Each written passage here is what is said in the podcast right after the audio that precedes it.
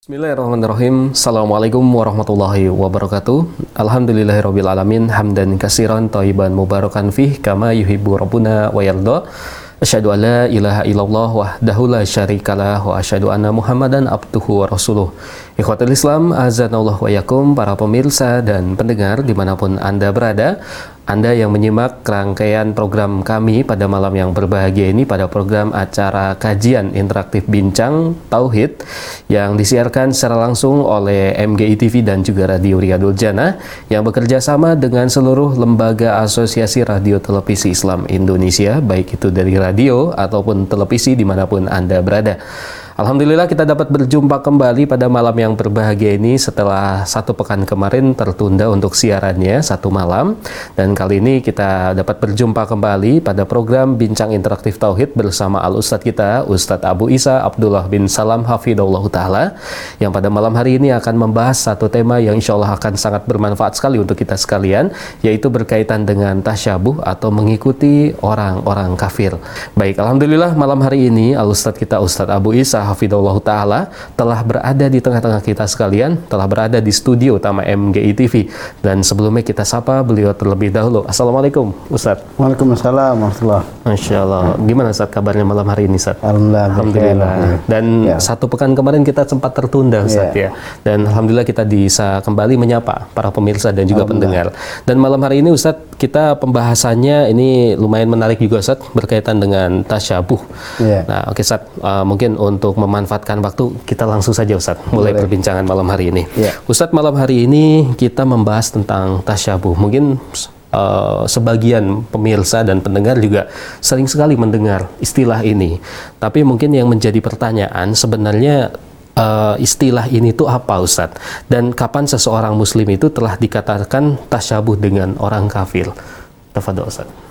Ya, saya sapa terlebih dahulu para pemirsa. Assalamualaikum warahmatullahi wabarakatuh. Waalaikumsalam. Demikian juga para pendengar di mana pun ada berada.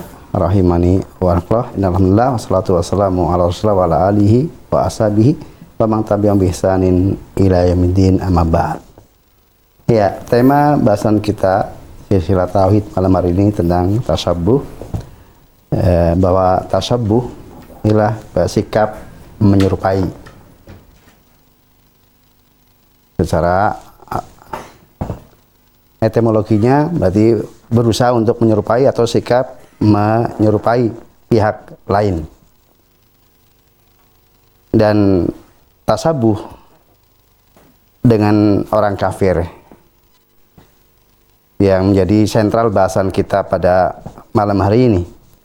Kapan seorang muslim dia dikatakan telah tasabuh itu menyerupai dengan orang-orang kafir. Seorang muslim dikatakan dia tasabuh dengan orang-orang kafir apabila dia secara tampilan maka berpenampilan dengan tampilan yang itu merupakan kekhususan bagi orang-orang kafir. Artinya di sana ada perilaku ya, lahiriah baik dari sisi tindak tanduk atau pakaian, gaya berbicara, ya, gaya kemudian tampilan fisik yang itu adalah merupakan kekhususan bagi orang-orang kafir. Baik itu ahlul kitab maupun eh, kaum musyrikin. Al-Yahud, Nasara, eh, kemudian Majusi, musyrikin dengan segenap alirannya, maka sesuatu yang merupakan kekhususan mereka yang mereka tampilkan dalam kehidupan mereka secara tampilan lahiriah, maka apabila seseorang muslim itu menyerupainya, maka dia telah dikatakan dia telah tasabuh dengan orang kafir. Jadi berpenampilan, berperilaku, berpenampakan yang kalau dilihat ini kok eh, sama dengan orang kafir. Sehingga orang melihatnya, loh kok sama tampilannya. Berarti sesuatu yang merupakan kekhususan orang orang kafir. Ini sesuatu yang itu khusus bagi orang kafir kemudian orang muslim berpenampilan yang sama. Maka itu namanya tasabuh bil kufar. Nah. Nah, Ustaz, untuk pandangan syariat sendiri tentang tasabu ini bagaimana Ustaz? Dan juga apakah ini hanya sebatas keharuman saja ataukah juga masuk ke dalam kekafiran Ustaz? Iya. Terkait dengan pandangan syariat nah, atau Islam mengatakan terkait dengan tasabuh khususnya tasabuh bil kufar, mm -hmm. tasabuh dengan orang-orang kafir ini sesuatu yang terlarang. Jadi secara umum bahwa tasabuh dengan orang-orang kafir adalah sesuatu yang terlarang. Dan ini adalah merupakan konsekuensi dari tauhid bahwa orang yang mentauhidkan Allah SWT maka mereka lah membenci barok kepada orang-orang kafir. Konsekuensi dari barok kepada orang-orang kafir maka dia tidak mau memiliki tampilan yang sama dengan orang kafir karena ada kebencian kepada orang kafir. Bagaimana mungkin seseorang itu benci kepada orang kafir tapi kemudian dia tampilannya sama. Secara apa artinya eh, konsekuensinya apabila seseorang itu benci dia tidak mau mm untuk kemudian berpenampilan sama dengan orang yang di dibencinya. dibencinya. Ya dan Allah berfirman ya ayyuhalladzina amanu la tattakhidu aduwwi wa aduwwakum awliya la tattakhidu aduwwi wa aduwwakum awliya tulquna ilaikum tulquna ilaihim bil mawaddah. Ya, wahai orang-orang beriman, janganlah kalian menjadikan ya, musuhku dan musuh kalian sebagai apa, artinya pali yang kalian memberikan kepadanya kecintaan. Hmm. Maka di sini apa, ada larangan untuk memberikan kecintaan dan biasanya apa, orang yang apa, mencintai maka dia akan berusaha untuk berpenampilan yang hmm. yang sama. Demikian juga Allah berfirman, "Wa may yushaqiqir rasul min ba'di ma tabayyana al-huda wa yattabi' ghayra sabilil mu'minin nuwali ma tawalla wa nusli jahannam wa sa'at masira." Barang siapa yang dia menyimpang dari jalan Rasul. Setelah jelas kepada mereka keterangan, mm -hmm lalu kemudian mereka mengikuti jalannya yang bukan orang beriman, maka kami akan leluasakan dia kepada apa yang dia pilih tersebut. Yang dia berwala tersebut, berpaling tersebut. Kemudian kelak kami akan masukkan mereka ke dalam ke dia ke dalam neraka jahanam dan neraka jahanam adalah sejelek-jelek tempat kembali. Mm -mm. Maka di sini Allah SWT mengancam dengan ancaman yang sangat keras bagi mereka yang mengikuti jalannya orang-orang yang tidak beriman. Nah, mengikuti jalannya orang-orang beriman termasuk di dalamnya adalah jalan mereka secara tampilan dohir. Ya, sikap mereka secara tampilan dohir yang sikap tersebut adalah lahir dari apa? Dari kekafiran mereka. Hmm. Lahir dari kejahilan mereka, keturhakan mereka kepada Allah, lalu kemudian mereka berpenampakan. Hmm. Dengan penampakan, dengan tampilan yang uh, orang tahu bahwa itulah tampilan orang-orang yang memuji Allah, tampilan orang-orang yang kafir kepada Allah Taala. Maka konsekuensi dari ayat di atas termasuk bagian dari uh, supaya tidak kena ancaman mengikuti jalannya selain orang-orang yang beriman adalah ya tidak melakukan tampilan yang sama dengan tampilan orang-orang yang tidak ber, beriman. Mm-hmm. Demikian juga Nabi SAW bersabda, "Man tasabah biqaumin fahuwa minhum." Dalam hadis riwayat Abu Dawud dan juga Ahmad. Barang siapa yang menyerupai sebuah kaum, maka dia termasuk kaum tersebut. Mm. Nah, maka dari sabda Nabi Shallallahu Alaihi Wasallam ini dan juga dari ayat-ayat yang telah disampaikan di atas bahwa tasabuh dengan orang-orang kafir secara hukum umum haram. Nah, keharaman ini bertingkat-tingkat. Hmm. Tergantung sisi mana yang diserupai, bagian mana yang diserupai. Maka tingkatan yang paling parahnya bahwa tasabuh dengan orang-orang kafir itu bisa sampai pada kekufuran. Wa may yatawallahum minkum fahuwa minhum. Barang siapa yang wala kepada mereka, tawali dan terkait kepada mereka, maka dia bagian dari mereka. Dan lohir dari hadis tersebut, mantasab babi qaumin fawa minhum. Barang siapa yang menyerupai mereka, dia bagian dari mereka.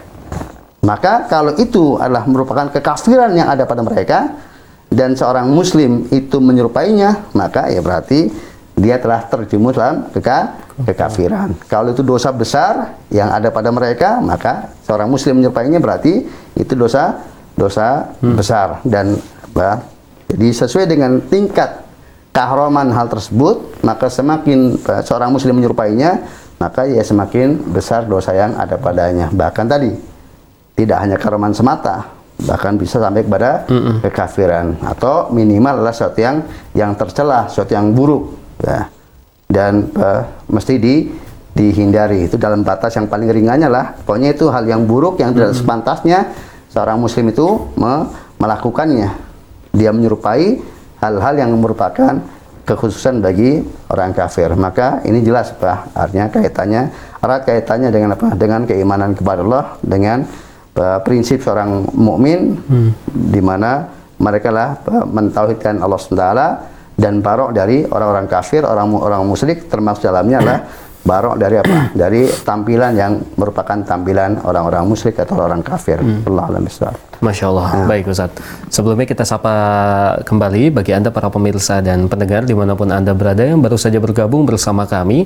Pada malam hari ini kita kembali berjumpa pada program acara Bincang Silsilah Tauhid bersama Al Ustaz kita Ustaz Abu Isa Abdullah Hafidullah Ta'ala yang langsung disiarkan oleh seluruh media baik itu radio ataupun televisi yang tergabung ke dalam Asosiasi Radio Televisi Islam Indonesia atau RTVC. Baik Ustaz, kita lanjutkan kembali perbincangannya Ustaz. Nah, kalau untuk tasyabuh sendiri secara umum tadi sudah digambarkan bahwa yang paling inti adalah menyerupai Ustaz. Yeah.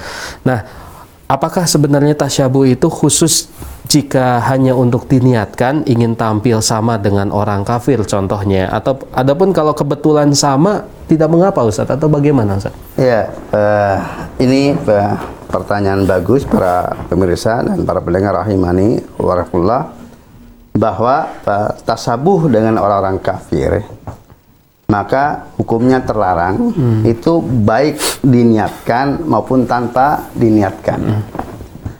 Apabila diniatkan maka ini jelas keharamannya jauh lebih lebih besar dan apabila tidak diniatkan pun juga terlarang. Dalam uh, hadis Nabi Shallallahu Alaihi Wasallam di mana Nabi Shallallahu Alaihi Wasallam uh, menyatakan goyiru asyik wa khalifu ahlal kitab. Ya. Ubahlah uh, uban. Ya, ya, ubahlah uban. Ya maksudnya warnailah uban. Nah, supaya tidak berwarna putih dan selisilah ahlul kitab Para pemirsa dan para pendengar rahimani warahmatullah. Rambut memutih, ya, baik rambut jenggot maupun rambut kepala, adalah merupakan uh, sunatullah yang berjalan pada fisik manusia.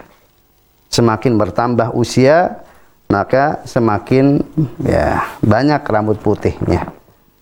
Dan syariat memerintahkan untuk uh,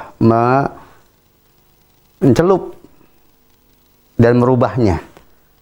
Uh, ilah atau alasan syariat memerintahkan kaum muslimin untuk kemudian merubah uban uh, jadi warna putih rambutnya dengan uh, warna lain sehingga tidak tampak putih mungkin dengan warna ke coklat dan tidak dengan warna hitam karena ada larangan apa dengan warna hitam. Uh, ini demi menyelisih ahlul kitab. Padahal rambut putih bukan usaha kita. Artinya rambut kita putih tentunya kita tidak sengaja tidak melakukan perbuatan ah saya akan buat rambut saya putih tidak tetapi itulah penciptaan Allah taala kepada manusia ketika usia sudah semakin tua maka rambutnya memutih. Nah, kebiasaan Alkitab membiarkan rambut putihnya. Padahal itu tampilan, ya, jadi kebiasaan Alkitab mereka tidak merubah apa warna rambutnya yang putih. Kaum muslimin diperintahkan oleh Nabi agar beda dengan mereka untuk me, uh, mewarnai rambutnya. Kalau sesuatu yang sama padahal tidak apa, itu bukan dari hasil usaha kita, itu pun diperintahkan kita tampil beda, apalagi kalau kemudian apa? yang sengaja untuk kemudian tampilan sama. Ini kan tidak sengaja. Kita memiliki rambut putih itu kan bukan kesengajaan kita. Ternyata di pihak sana ada ahli kitab yang biasa membiarkan rambutnya putih, tidak dicelup, itu diperintahkan oleh Nabi untuk kita tampil beda dengan mereka. Demikian juga bah, ketika Nabi SAW bersabda, Khalifu al-musyrikin, Khaliful musyrikin Kemudian beliau perintahkan untuk uh, ahu uh, afu uh, al syawarib wa afu alihya. Jadi untuk mencukur apa, kumis dan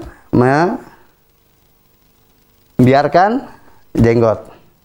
Demikian juga beliau perintahkan untuk pejusu sawarib wa arihu alihya juga khalifu al majus untuk menyelisih kaum Majusi. Maka di sini bah, sama bah, bahwa kumis tumbuh dengan sendirinya. Jenggot tumbuh dengan sendirinya. Nah, ada adat kebiasaan orang-orang musyrikin, orang-orang Majusi itu mereka membiarkan kumisnya dan mencukur menggundul jenggotnya. Islam memerintahkan kaidah umumnya ada dulu khaliful musyrikin tampilah beda dengan orang-orang musyrikin. Nah, di antara bentuk tampilan yang berbeda itu adalah ketika kebiasaan kaum musyrikin itu membiarkan kumis, memanjangkan kumisnya dan mencukur jenggotnya, kaum muslimin diperintahkan untuk mencukur kumisnya dan membiarkan jenggotnya. Sekali lagi, ada kaidah umum dulu, Nabi sampaikan, selisilah kaum musyrikin. Tampilah beda dengan kaum musyrikin. Kemudian salah satu bentuk tampilan beda adalah cukurlah jenggot kalian dan eh, cukurlah kumis kalian dan panjangkanlah jenggot kalian. Menunjukkan bahwa kebiasaan kaum musyrikin mereka membiarkan kumisnya dan mencukur jenggotnya. Yang ini ya kita tahu bahwanya eh, sekarang ya adatnya orang begitu. Betul. Adatnya orang apa? Ini eh, termasuk sudah ditiru kaum muslim kan jenggotnya masya Allah apa? Tebal. Tebal, tapi sininya gundul. gundul. Ya. Nah Nabi juga setelah memerintahkan untuk mencukur kumis dan memanjakan jenggot, lalu bersabda khaliful majus. Selisilah majus. Berarti di sana ada kaidah umum dan ada contoh. Kaidah umumnya kita diperintahkan untuk menyelisih orang-orang musyrikin, tampil beda dengan orang musyrikin tampil beda dengan orang-orang majusi dan di antara bentuk tampil bedanya adalah dengan mencukur kumis dan memanjangkan uh, jenggot. Hmm. Nah, ini menunjukkan bahwa bah, tadi saya sudah, saya sudah sampaikan bahwa tam, bah, tumbuhnya rambut adalah bukan kemauan kita, tetapi itu penciptaan Allah pada diri kita. Tetapi ketika di sana ada orang-orang non-muslim, ada orang-orang kafir yang memiliki ciri tertentu terkait dengan tampilan fisiknya, maka kaum muslimin diperintahkan untuk me, mem, bertampil beda dengan mereka. Artinya, bah, kalau sesuatu yang tanpa diniatkan pada diri kita yang itu tumbuh dengan sendiri saja, kita diperintahkan untuk kemudian melakukan tampilan yang berbeda, merubah apa yang ada pada diri kita, bah, bagaimana lagi dengan apa? Dengan yang itu sengaja kita lakukan. Kita tampil karena kita melihat tradisi orang musyrikin, perilaku orang musyrikin atau orang kafir dengan suatu aktivitas kemudian kita ingin seperti mereka, maka ini tentunya apa? Lebih terlarang, lebih terlarang lagi. Jadi urusan tasabuh maka tidak di artinya tidak diharuskan kalau ada niatnya baru terlarang. Kalau nggak ada niat maka tidak ter terlarang. Ini tidak tidak benar. Jadi begitu seorang muslim memiliki tampilan yang sama dengan tampilan orang-orang musyrikin, tampilan orang-orang kafir, maka itu dilarang. Sama saja apakah dia apa, niat, maka ini lebih parah, pengingkarnya tentunya lebih keras, dan juga sekalipun dia tidak berniat untuk tampil tam, tampil yang sama dengan orang-orang orang-orang kafir. Nah, tetapi ya perlu diketahui di sini bahwa tadi sudah disampaikan di depan yaitu tampilan yang itu merupakan kekhususan bagi hmm. orang-orang hmm. orang-orang kafir. Bukan bukan berarti setiap uh, ada orang kafir berpenampilan kemudian kita nggak boleh sama dengan mereka sama sekali tetapi yang itu merupakan kekhususan bagi orang-orang orang-orang kafir. Dan apabila tampilan tersebut adalah tampilan orang kafir, tetapi juga kaum muslimin secara umum sudah berpenampilan sama, maka kalau kemudian kita ingin beda supaya punya ciri khas tersendiri, yeah. itu adalah bagus. Ya, hmm. tetapi tidak tidak wajib kalau apa? Kalau memang itu sudah sudah menyeluruh hmm. dan tidak ada larangan secara syariat secara khusus. Tidak ada larangan secara, secara, secara khusus tentang tampilan sesuatu tampilan, tetapi itu tampilan dilakukan oleh orang-orang kafir, juga dilakukan oleh orang-orang muslim, hmm. sudah tidak ada bedanya, maka tidak mengapa seorang muslim. Artinya berpenampilan sama karena itu bukan lagi menjadi kekhususan orang-orang orang-orang kafir. Tetapi seandainya seorang muslim, ah saya mah maunya beda aja lah dengan apa? Dengan supaya jelas lah ini tampilan orang Islam, maka itu Islam bagus ya tidak harus kemudian apa artinya selama setiap niatan untuk tampil beda dengan orang, -orang kafir walaupun dalam hal yang tidak wajib itu pun tetap Iya. Bagus. Allah alam.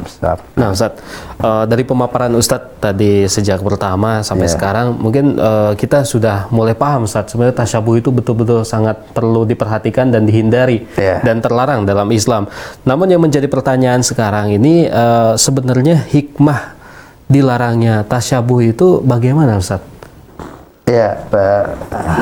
Tentunya Pak hikmah dilarangnya tasabuh dengan orang-orang kafir itu banyak.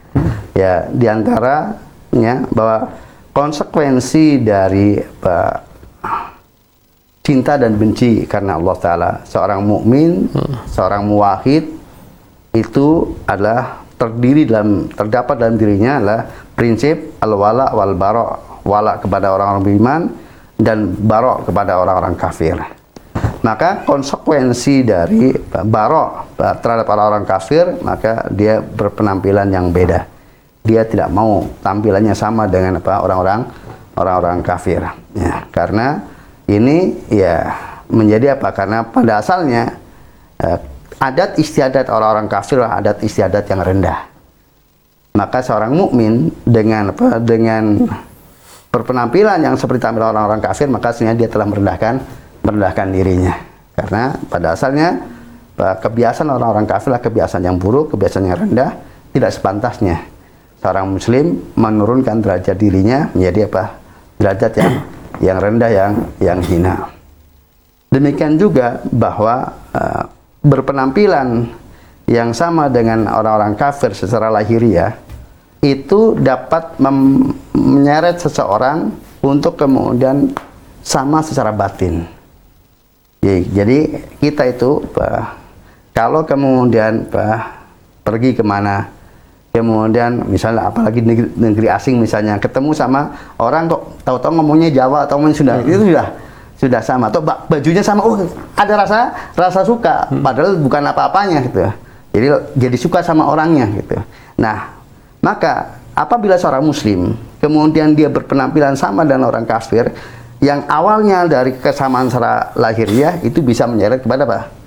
Kepada uh, batin. Jadi akhirnya uh, sama secara secara batin. Maka untuk memutus uh, artinya silsilah atau untuk kemudian satu dariah, jadi supaya mencegah, uh, jadi sebagai preventif seorang muslim secara batinnya sama dengan orang kafir, maka secara lahiriahnya pun, tampilan dohirnya pun itu diupayakan untuk tidak, mm -hmm. tidak sama.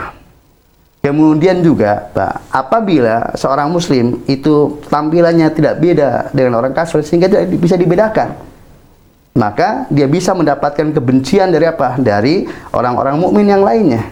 Karena orang mukmin itu membenci apa? Membenci orang kafir. Orang kafir. Nah, kalau kemudian ada orang mukmin tampilannya Menyerupai, sama ya. kan dia ini orang ini orang kafir apa ya? Kan menimbulkan dosa pada pihak yang lainnya karena suudon kepada dirinya dianggap orang kafir padahal dia dia orang orang muslim tapi tampilannya sama dengan orang kafir. Ya, maka ini ya menimbulkan kebencian dari saudaranya sesama kaum kaum mukminin Pak.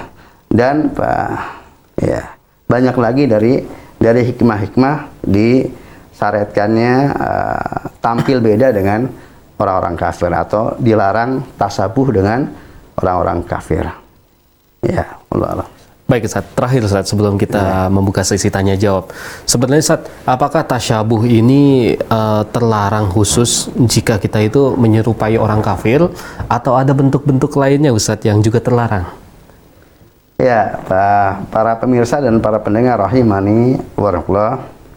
Jadi tasabuh, sikap menyerupai itu tidak hanya terlarang Pak, dengan menyerupai orang kafir. Tetapi nah, bahwa seorang muslim itu dilarang menyerupai segala bentuk yang itu adalah mendatangkan kehinaan atau kerendahan atau tampilan yang men- akan berdampak penilaian buruk.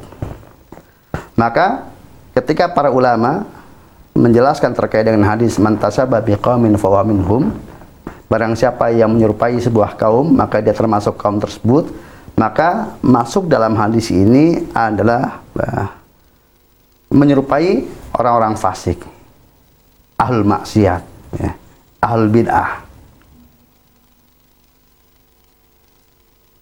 Kalau di sana ada sebuah tampilan yang itulah tampilan khusus orang-orang yang buruk, orang-orang yang jahat, orang-orang yang jahil, orang-orang yang bodoh.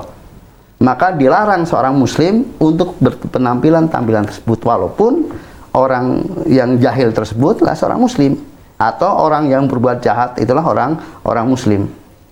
Jadi pakaian khusus, pakaian orang yang dia apa mungkin apa, gelandangan gitu. Maka walaupun dia bukan seorang gelandangan, ya tidak sepantasnya dia berpakaian seperti pakaian tersebut. Kemudian gaya rambut dengan gaya tertentu yang itulah kebiasaan orang-orang yang rusak, kebiasaan apa, peminum khamr misalnya. Kemudian mereka punya kebiasaan khusus dengan tampilan tertentu, maka dilarang seorang muslim untuk kemudian me- menyerupainya. Mengingatkan kepada kita tentang bahwa tasabuh itu terlarang eh, dalam hal-hal yang itulah menunjukkan kesan tidak baik, kesan buruk. Meskipun orangnya lah orang yang baik, bukan orang yang buruk. Bahwa Nabi SAW la'ana dalam hadis sahih di mana Nabi dinyatakan la'ana Rasulullah sallallahu alaihi wasallam mutasabbihina minar rijali bin nisa wal mutasabbihati minan nisa birijal. Rasulullah melaknat kaum laki-laki yang menyerupai kaum wanita dan kaum wanita yang menyerupai kaum laki-laki. Allah sudah menciptakan kaum laki-laki dengan ciri khusus tertentu yang tidak dimiliki oleh wanita. Tampilan khusus yang semua orang tahu ini tampilan laki-laki yang eh, beda dengan wanita. Wanita memiliki tampilan khusus yang beda dengan laki-laki. Maka dalam hal yang merupakan kekhususan masing-masing, syariat melarang. Bahkan larangannya sangat keras karena dilaknat. Dilaknat ini artinya dijauhkan dari rahmat Allah, dijauhkan dari surganya Allah SWT. Menunjukkan itu dosa besar. Seorang laki-laki menyerupai eh, seorang wanita, seorang wanita menyerupai seorang laki-laki. Ya, apabila menyerupai dalam yang masih sejenis, ya sama-sama manusia saja terlarang, hanya di karena di perbedaan jenis kelamin, maka menyerupai makhluk lainnya itu lebih terlarang lagi. Maka termasuk hal yang terlarang adalah apa? Menyerupai binatang. Binatang ya. Ya, baik dengan bentuk suaranya, menirukan suara binatang. Ini perhatian kepada para pendidik yang suka mendongeng, Iya. yang suka kemudian apa? Artinya dalam dunia pendidikan. Jadi kadang anak-anak diajari apa? Berperilaku seperti apa? Perilaku binatang cara cara berjalan binatang, berjalan. kemudian apa? gerak gerik langkah seperti binatang, kemudian apa? bersuara-suara binatang. Maka kita bisa perhatikan bahwa ayat-ayat Al-Quran banyak yang menceritakan di sana ketika celaan kepada seorang diserupakan dengan binatang. Binatang. Ya. Ketika Allah menghukum seseorang, dihukum dirubah dengan rubah apa? Seekor binatang. Ya. Maka sangat tercela seorang muslim kemudian dia berpenampilan menyerupai dengan tampilan binatang, badut-badut binatang. Dia manusia kemudian apa? menggunakan pakaian badut binatang. Dia menyerupai dirinya dengan binatang. Menyerupai manusia saja haram. Ya. Laki-laki menyerupai perempuan. Padahal perempuan manusia terhormat artinya manusia tidak ada celaan khusus. Ya tetap manusia makhluk yang tersempurna dibandingkan yang lainnya. Tetapi ketika itu apa menyerupai yang bukan artinya yang bukan bidangnya itu menyerupai yang kekhususan pihak lain maka ter terlarang apalagi tadi menyerupai apa, binatang. Jadi intinya bahwa ketika seseorang itu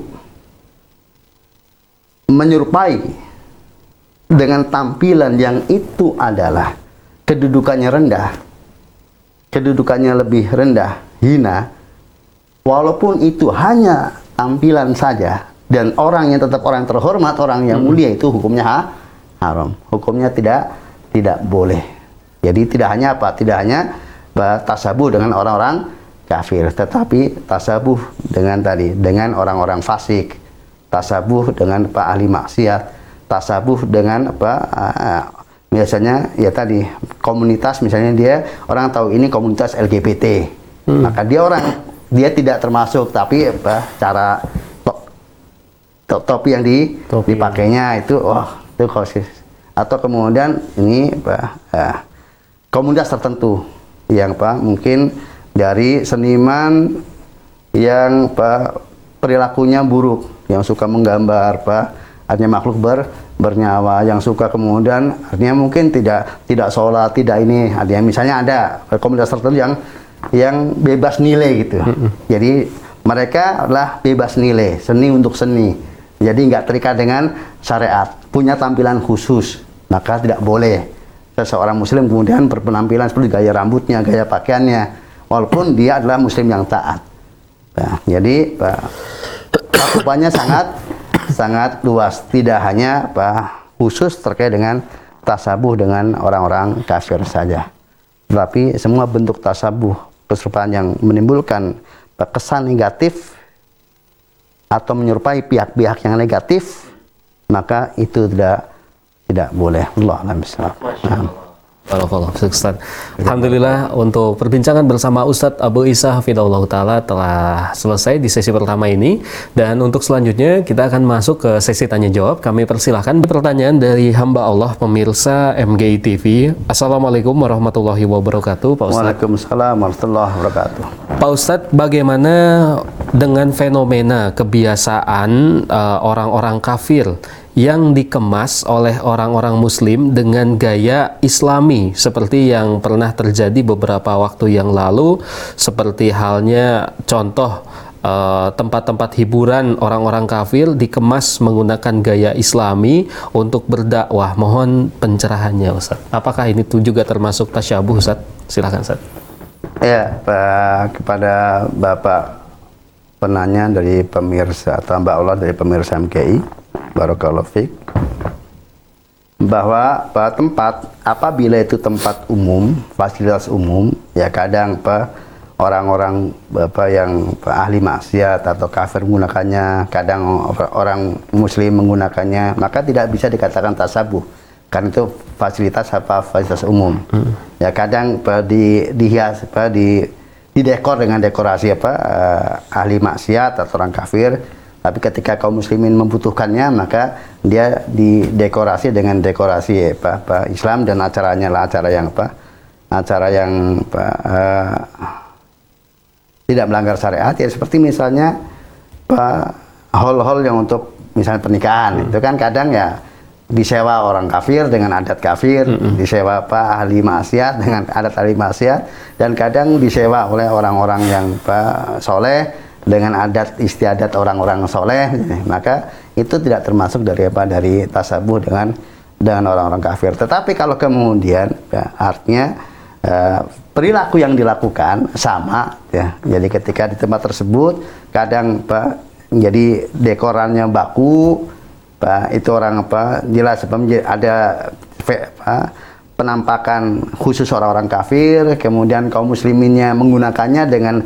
dekoran yang sama, Pak, yang orang paham ini dekoran kaf- kafir atau dekoran ahli maksiat, maka tentunya tidak tidak boleh karena itu masuk dalam ranah ranah tasabuh. Tetapi kalau itu apa hanya tempatnya saja, kemudian nanti Pak dekorannya berbeda, Pak, sesuai dengan Pak, siapa yang menggunakannya, maka ya tidak bisa dikatakan sebagai tasabuh Allah alam.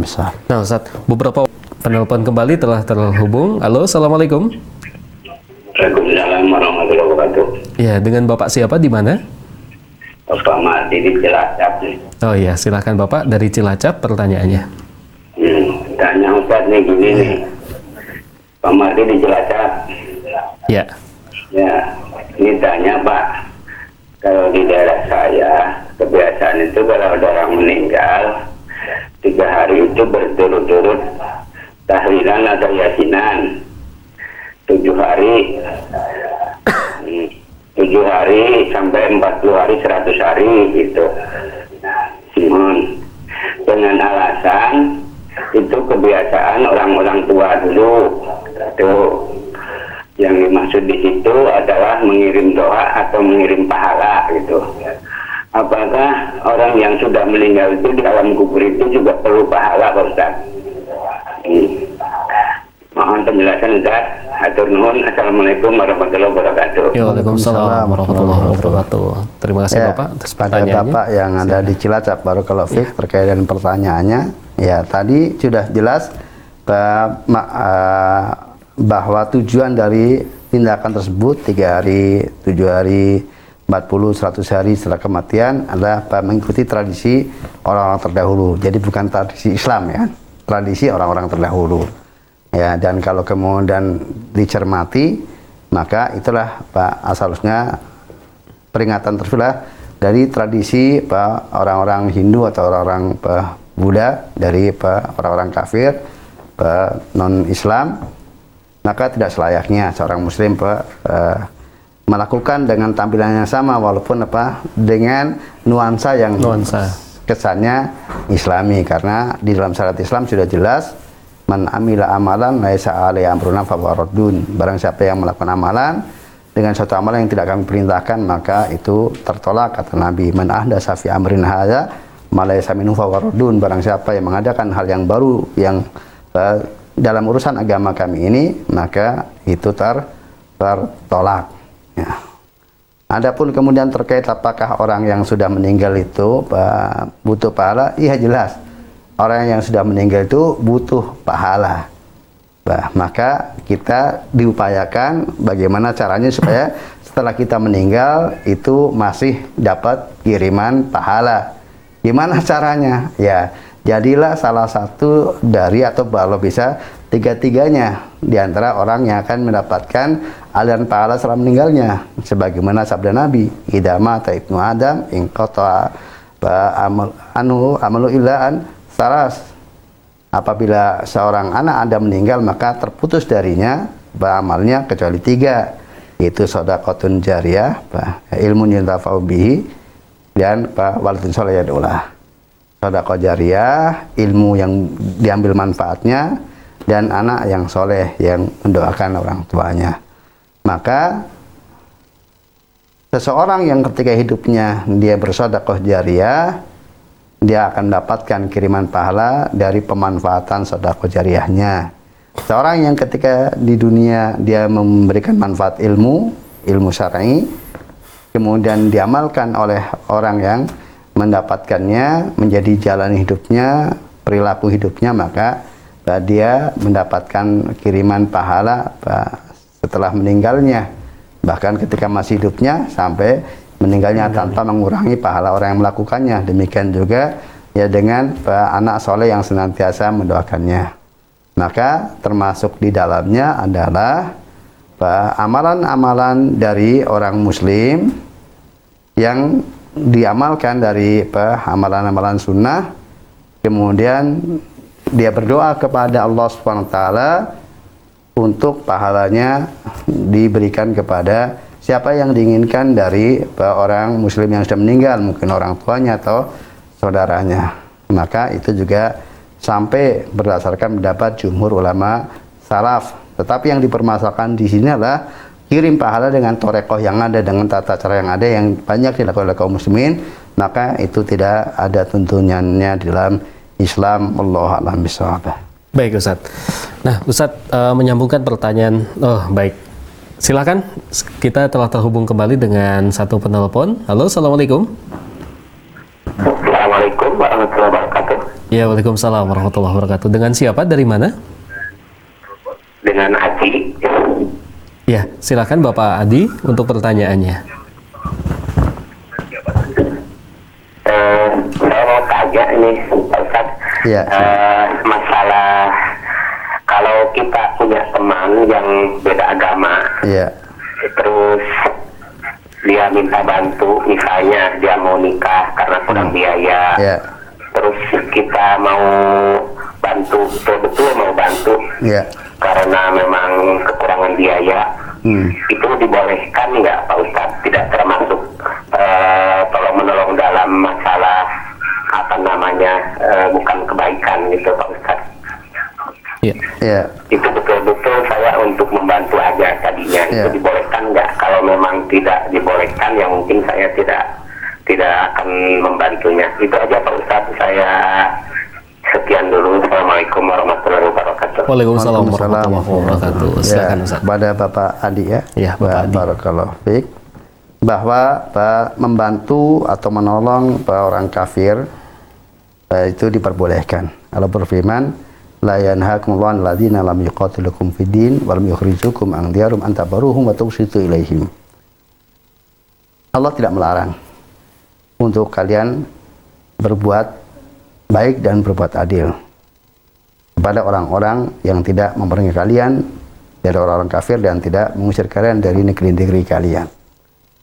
Maka eh, tolong menolong eh, itu adalah akhlak yang mulia. Baik dari seorang muslim kepada muslim yang lainnya maupun dari seorang muslim kepada orang kafir yang tidak memerangi kaum muslimin. Selama itu adalah untuk kemaslahatan apa dunia mereka dan bukan dalam urusan agama mereka. Dan tentunya eh, menikah itu adalah ya kebaikan. Orang kafir haram berzina karena hukum bagi orang Islam itu sesungguhnya juga hukum bagi orang kafir. Hanya saja mereka tidak mendapatkan pahala dari melakukannya kecuali dengan masuk Islam terlebih dahulu. Tetapi membiarkan mereka berzina itu membiarkan mereka dalam kefas, kefasad dan kerusakan. Nah, akan membantu mereka untuk kemudian bisa menikah itulah termasuk eh, perbuatan baik. Wallahu alam dan tidak termasuk tolong menolong dalam dosa dan permusuhan. Nah, Ya. Baik Ustaz, tapi tadi menambahkan Ustaz pertanyaan yang ditanyakan Bapak Adi, bagaimana kalau misalkan kita membantu membiayai pernikahannya itu Ustaz?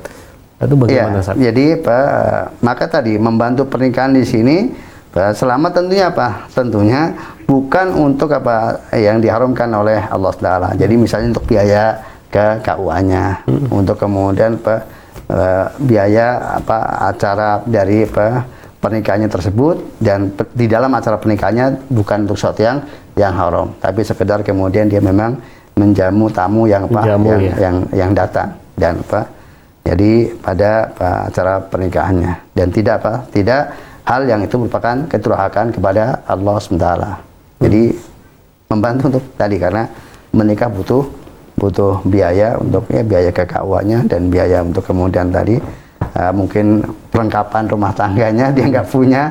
Jadi mau menikah tapi nggak punya apa-apa untuk kemudian apa mahar istrinya misalnya.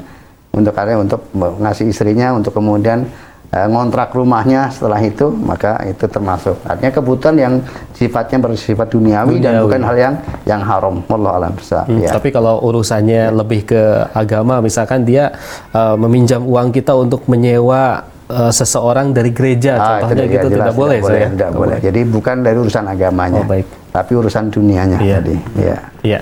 Dan nampaknya akan bacakan pertanyaan yang masuk melalui pesan singkat Ustaz. Ini sangat banyak. Eh, pertanyaan dari hamba Allah di Tasikmalaya Ustaz. Assalamualaikum warahmatullahi wabarakatuh. Waalaikumsalam. Pak Ustadz saya ingin bertanya, saya pernah mengobrol dengan saudara saya berkaitan dengan tasyabuh ini dan beliau berpendapat bahwa menyerupai orang kafir dalam hal fisik selama tidak berlebihan itu tidak mengapa. Yang penting tidak menyerupai orang kafir dalam hal ibadah atau akidahnya Ustadz. Mohon nasihatnya apakah pendapat seperti ini sebenar, sebetu- sepenuhnya benar Ustadz atau bagaimana? Yang ingin saya tanyakan yang paling utama adalah atau apakah ada batasan menyerupai orang-orang kafir Ustadz? Silakan Ustadz. Ya, Pak, kepada penanya Bapak penanya dari Tasik Barakallahu ya tadi sudah saya sampaikan tentang batasannya bahwa batasan menyerupai orang kafir adalah apabila sesuatu tampilan adalah merupakan tampilan khusus orang kafir, maka haram bagi kaum muslimin untuk kemudian berpenampilan hal tersebut. Ya, terlepas apakah itu adalah hal yang sangat yang merupakan kaitannya dengan akidahnya atau itu hanya tampilan kebiasaan orang kafir saja secara lohir. Ya, jadi tidak benar kalau kemudian selama kemudian bukan urusan akidah maka nggak mengapa, bukan berlebihan maka tidak mengapa. Tadi sudah di sudah apa disampaikan ya, bahwa Nabi SAW memerintahkan kepada kita untuk apa? Untuk mencelup eh, uban karena orang kafir kebiasaannya nggak mencelup uban. Nabi memerintahkan kepada kita untuk mencukur kumis dan membiarkan jenggot karena kebiasaan orang musyrik itu membiarkan kumisnya dan mencukur jenggotnya. Ini padahal sesuatu yang apa? Sesuatu yang ya bisa dikatakan bukan hal yang berlebihan karena apa? Karena rambut tumbuh-tumbuh sendiri. Dan orang kafir kemudian membiarkan rambut apa, eh, kumisnya dan mencukur rambut jenggotnya. Maka orang muslim diperintahkan untuk beda dengan mereka. Maka ya Nabi yang mengarahkan kepada kita semua untuk tampil beda dengan mereka. Bahkan dalam hal yang itu asalnya bukan sebuah kesengajaan, tetapi tetap diperintahkan untuk tampil beda. Bagaimana lagi dengan apa? Dengan hal yang itu memang apa? Usaha yang dilakukan orang kafir untuk berpenampilan dengan tampilan tertentu. Maka tidak selayaknya seorang muslim untuk kemudian berpenampilan sama ketika itu sudah menjadi ciri khusus dari orang-orang kafir wallahu a'lam. Nah, Ustadz ini eh, masih dari penanya yang sama. Ya. Ini menambahkan Ustadz. Dan saudara saya itu berkata, Ustadz, kalau misalkan kita menyerupai orang kafir saja dilarang, lalu bagaimana dengan hal eh, fisiknya? Contohnya yang kita pakai seperti baju, Ya. jam tangan, celana, atau ataukah topi, itu kan semuanya menyerupai orang kafir. Mohon nasihatnya, Ustadz. Ya, ini Pak, tadi kepada Pak saya lanjutkan. Tadi kan sudah disampaikan bahwa yang dikatakan menyerupai orang kafir itu adalah yang merupakan kekhususan. Adapun apabila itu adalah dipakai orang kafir juga dipakai kaum muslimin, baju dipakai orang kafir juga dipakai oleh kaum muslimin seperti baju Indonesia. Orang kafir pakai baju apa artinya hem Indonesia hem kafir batik apa, orang Jawa secara umum batik atau kemudian Indonesia secara umum batik maka itu tidak dikatakan menyerupai orang kafir Iya. karena itu menyerupai adat apa, kaum muslimin di Indonesia atau adatnya orang Indonesia sama saja kafir atau muslim maka sudah ditegaskan ketika tampilan itu adalah sudah menjadi tampilan yang sama antara orang kafir dan orang musyrik bukan menjadi kekhususan tidak lagi menjadi kekhususan maka diperbolehkan kaum muslimin untuk apa? Untuk kemudian Pak menggunakannya. Maka seperti ada yang berpendapat bahwa selama produk itulah produk dari orang kafir maka orang muslim tidak boleh memakainya. Itu juga keliru. Eh, itu tidak benar. Jadi walaupun asal usulnya produk itulah produk dari orang kafir yang buat orang kafir, ketika sudah dimanfaatkan dan dipakai oleh kaum muslimin sehingga menjadi merata di tengah-tengah kaum muslimin baik yang soleh maupun yang tidak solehnya pun menggunakannya maka sudah menjadi tidak ketika itu sudah tidak menjadi ciri khusus. Maka orang yang melakukannya tidak dikatakan tasabuh karena tidak menjadi ciri khusus pihak tertentu. Tasabuh itu batasannya kalau menyerupai pihak lain yang itu merupakan kekhususan. Maka seorang laki-laki dikatakan bertasabuh dengan seorang wanita ketika menggunakan apa? Hal yang khusus ya wanita. Misalnya pakai anting-anting laki-laki. Kemudian pakai pakai apa artinya baju yang khusus on the rock misalnya apa ya daster lah perempuan. Nah itu atau sebaliknya bagi wanita kemudian menyerupai lagi ke mana-mana pakai celana pendek kemudian pakai kaos t-shirt pada itu khusus. Nah pakai apa, sepatu khusus apa laki-laki artinya yang orang itu tahu paham ini pakaian laki-laki kenapa di khusus laki-laki dan tidak ada model perempuan pakaian seperti itu. Nah, itu jadi ketika merupakan khususiah sehingga ketika orang melihat oh loh kok ini kayak orang kafir? Karena itu orang tahunya ini orang kafir yang menggunakan seperti itu. Ternyata ini orang muslim. Nah itu berarti tidak tidak boleh. Dan juga kalau sudah ada keterangan khusus dari Nabi seperti tadi, perintah untuk memelihara jenggot dan mencukur kumis, perintah untuk apa? mencelup uh, uban karena ada perintah khusus. Jadi seandainya orang kafir pun tidak melakukan hal itu, tetap kaum muslimin diperintahkannya karena sudah ada perintah khusus dari Nabi Shallallahu Alaihi Wasallam. Allah Nah. Baik Ustaz, pertanyaan selanjutnya Ustaz ini dari pendengar radio. Uh, Assalamualaikum warahmatullahi wabarakatuh. Waalaikumsalam. Pak Ustadz, saya ingin bertanya, apakah ada perbedaan derajat antara orang perbedaan derajat dosa antara orang yang tidak mengetahui bahwa itu adalah menyerupai orang kafir dengan orang yang sudah mengetahui tapi sudah terlanjur akhirnya tetap saja di dilaksanakan. Contohnya seperti dia tidak memelihara jenggot dan lain sebagainya. Mohon penjelasannya Ustaz. Iya, uh, kepada uh, Bapak penanya Barakallahu Fik ya, bahwa tentunya ya ada kadar perbedaannya antara seseorang yang sengaja melanggar setelah dia tahu dan seorang yang tidak tahu. Bahwa yang berdosa itulah seseorang yang melanggar dalam keadaan dia tahu. Adapun kemudian melanggar dalam keadaan tidak tahu, maka dia tidak berdosa hukum asalnya. Hanya saja sekarang nanti adalah mengapa dia tidak tahu. Kalau kemudian dia tidak tahu disebabkan karena dia tidak mau belajar, maka ini dosa. Karena belajar hukumnya wajib. Talabul ilmi faridatun ala kulli muslim. Menuntut ilmu itu wajib bagi seorang muslim. Maka dia berdosa karena meninggalkan menuntut ilmu. Ketika dia meninggalkan menuntut ilmu, maka kemudian dia tidak tahu tentang hukum-hukum yang wajib dan hukum-hukum yang haram. Maka dia kemudian meninggalkan yang wajib dan mengerjakan yang haram karena tidak tahu. Maka ini dosa karena dia tidak mau belajar. Adapun kemudian orang sudah berusaha bersungguh-sungguh belajar tetapi ada keterbatasan dalam beberapa hal sehingga kemudian dia tidak tahu hukumnya maka kemudian dia melakukan hal yang sesungguhnya itu haram tapi dia nggak tahu atau meninggalkan hal yang meninggalkan hal yang wajib dan dia tidak tahu maka ya secara uh, hukum pada asalnya dia tidak berdosa karena uh, Allah memberikan udur atas kejahilan dalam perkara-perkara yang memang uh, wajar kalau kemudian dia tidak tahu karena situasi dan kondisi yang melatar belakanginya. Wallah a'lam. Masya Allah, baik Ustaz, Barakallahu Fik Ustaz. Alhamdulillah Ustaz, untuk sesi tanya pembahasan materi dan tanya jawab nampaknya sudah selesai dan kita tadi sudah membacakan pertanyaan terakhir dari pemirsa dan uh, mungkin sebelum menutup Ustaz, kami persilahkan kepada Al Ustaz untuk bisa menyampaikan uh, nasihat ataupun kesimpulan dari pembahasan yang telah kita perbincangkan Ustaz. Silahkan Ustaz. Iya, para pemirsa dan para pendengar rahimani warahmatullah.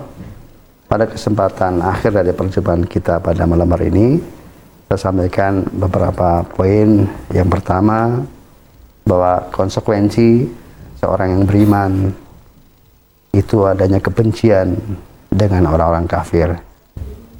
Maka kebencian kepada orang-orang kafir itu akan melahirkan sikap tampil beda dengan orang kafir dan dia tidak sudi untuk berpenampilan yang sama dengan orang orang kafir yang itu merupakan kekhususan bagi orang-orang kafir sebagai buah dari kebencian kepada kekafiran dan orang-orang kafir yang merupakan konsekuensi dari tauhid. Kemudian yang kedua bahwa tasabuh dengan orang-orang kafir itu tidak hanya ketika itu diniatkan tetapi setiap tampilan yang sama dengan orang kafir. Maksudnya yang merupakan kekhususan orang kafir maka itu terlarang hukumnya walaupun tidak ada niat untuk berpenampilan sama. Kemudian yang ketiga bahwa ketika sesuatu itu sudah tersebar di tengah-tengah kaum muslimin yang mungkin pada asalnya itu merupakan kekhususan orang kafir. Tetapi karena perkembangan zaman, perkembangan masa sehingga kemudian kaum muslimin juga berpenampilan sebagai tampilan tersebut dan tampilan tersebut tidak ada larangan khususnya dari syariat maka tidak mengapa. Meskipun seandainya seorang muslim kemudian menghindar dari tampilan tersebut maka itu bagus sehingga dia tetap memiliki ciri khusus pada seorang muslim. Kemudian yang keempat bahwa tidak setiap yang asal usulnya dari orang kafir maka haram bagi kaum muslimin. Semua segala berbagai macam perangkat uh, untuk memudahkan kaum muslimin dari urusan dunia mereka. Bahkan kemudian memudahkan kaum muslimin untuk urusan agama mereka. Dan itu dibuat oleh orang-orang kafir maka tidak mengapa bagi kaum muslimin untuk kemudian memanfaatkannya. Kemudian yang terakhir marilah kita semuanya untuk berusaha memiliki identitas sebagai seorang muslim dan bangga dengan identitas kita sebagai orang muslim dan jangan menjadi seorang muslim yang minderan dan justru kemudian bangga dengan tampilan orang-orang kafir. Tapi dia kita bangga berpenampilan yang orang tahu ini jelas orang muslim. Jangan kemudian orang membuat ragu ini muslim atau bukan dengan tampilan yang ada pada kita Allah alam demikian semoga bermanfaat dan kita memohon kepada Allah senantiasa memohon kepada Allah untuk berikan kepada kita petunjuk ke jalan yang lurus jalannya orang-orang yang lebih nikmat dan bukan jalannya orang-orang yang dimurkai dari kalangan Pak Al-Yahud maupun orang-orang yang sesat dari kalangan Nasara dan yang semua mereka. Demikian akhir awan wa sallallahu ala nabiyina wa ala alihi wa sahbihi wasallam walhamdulillahirabbil alamin. Assalamualaikum warahmatullahi wabarakatuh. Waalaikumsalam warahmatullahi wabarakatuh. Terima kasih.